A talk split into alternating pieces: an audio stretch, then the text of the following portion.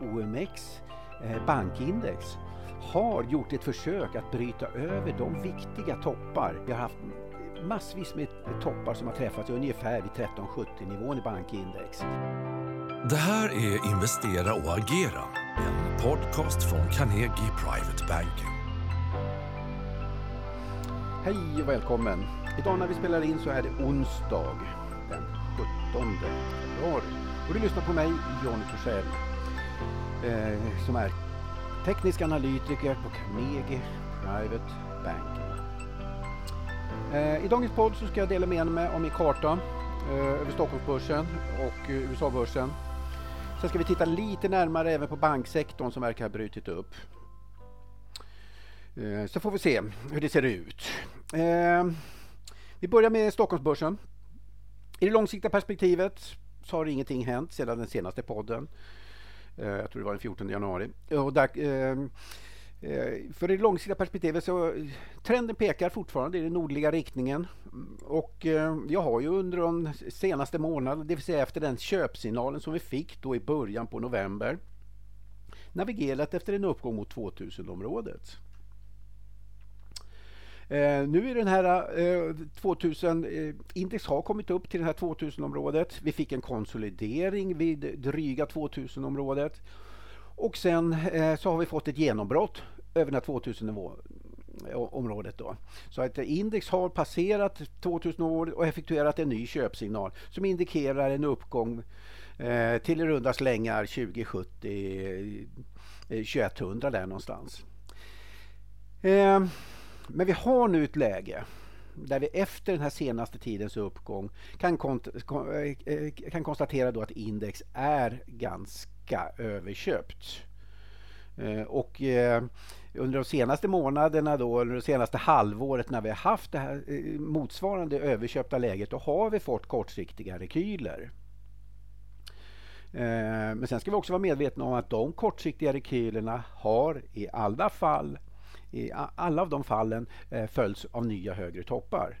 Så på att, eh, så ett, i ett kort på ett lång sikt då är jag positiv, det vill säga vi har eh, inga varningstecken i den här långa trenden. På kort sikt så är gummisnodden ganska hårt spänd på uppsidan.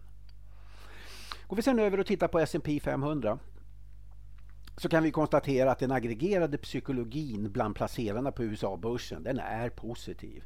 Och när vi människor är positiva så tenderar vi att fokusera och agera på det som är positivt. Och så väljer vi då att vikta ner betydelsen av det som är negativt.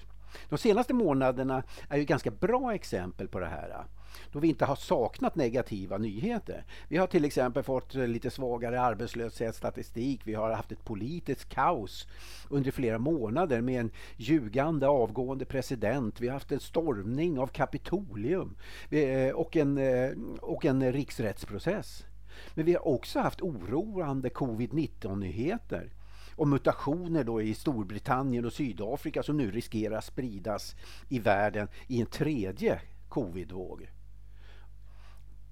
Alla dessa negativa nyheter hade kunnat användas, användas som en eh, ursäkt att sälja. Men som vi vet har de här nyheterna helt och hållet negligerats därför att vi är positiva. Trenden är trots detta stark och vi har inga signaler på att den trenden håller på att toppa. Självklart så borde vi få rekyler då börsen för närvarande är, den är överköpt, det vill säga gummisnoden är hårt spänd på uppsidan har dragit sig för långt ifrån sina medeltal. Den är överälskad. Alla människor är positiva till börsen. Och när alla är positiva då brukar eh, det leda till eh, Eh, rekyler. Och sen har vi också ett, ett övervärderat läge. Men så länge vi inte har några signaler på att den långa trenden är på väg att toppa så kommer jag ändå att utgå ifrån att eventuella rekyler det kommer att följas av eh, nya högre toppar. Så mitt grundscenario för både USA-börsen och Stockholmsbörsen under kommande månader det är positivt. Även om index på kort sikt är överköpt vilket då borde Eh, leda till kortsiktiga rekyler. Eh, sen har jag konstaterat, eh, tänkte vi ska titta lite grann på bankerna. Eh, som ju har varit en laggande sektor på Stockholmsbörsen. Eh, men, ja, även på USA-börsen, men som har fått lite nytt liv. Under den senaste tiden så har bankaktierna på USA-börsen utvecklats starkare än S&P 500.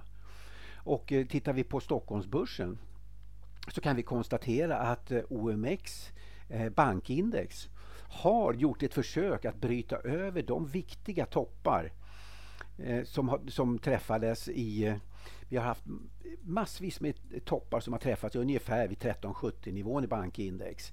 Vi hade en topp den 15 juli 2019, eh, under hösten 2019, eh, under hösten här nu i 2020 eh, och sen hade vi en topp vid ungefär samma nivå här den 22 januari och nu har vi gått eh, över den nivån tillfälligt. Så nu får vi se om bankindex då har eh, gjort ett riktigt utbrott på uppsidan här. Vi får, eh, vad vi inte vill se nu det är att det börjar vända ner in i den här konsolideringen igen. Men gör inte det, då har vi en köpsignal eh, på bankindex. Och eh, en av de starkaste aktierna i den sektorn det är ju framförallt eh, SE-banken. Eh, den är ju den starkaste bankaktien. Eh, Nordea kan konstatera också har brutit upp över sina toppar. Den har ju sitt eh, nästa motståndsområde ungefär vid 78 spänn någonstans. SE-banken har ju, har ju ett målområde i första hand vid 100-lappen, därefter vid ungefär vid 105. Eh, tittar på Handelsbanken eh, så, så effektuerar ju den en kortsiktig köpsignal. Eh, vi har nästa motstånd uppe vid eh, ungefär 88-89 spänn där någonstans. Men den, de starkaste bankaktierna det är just nu SE-banken, därefter Nordea, sen eh, Handelsbanken eh, och sist eh, Swedbank. Då. Eh, så det var väl det eh, som jag hade just nu. Så tack så mycket för att du har lyssnat.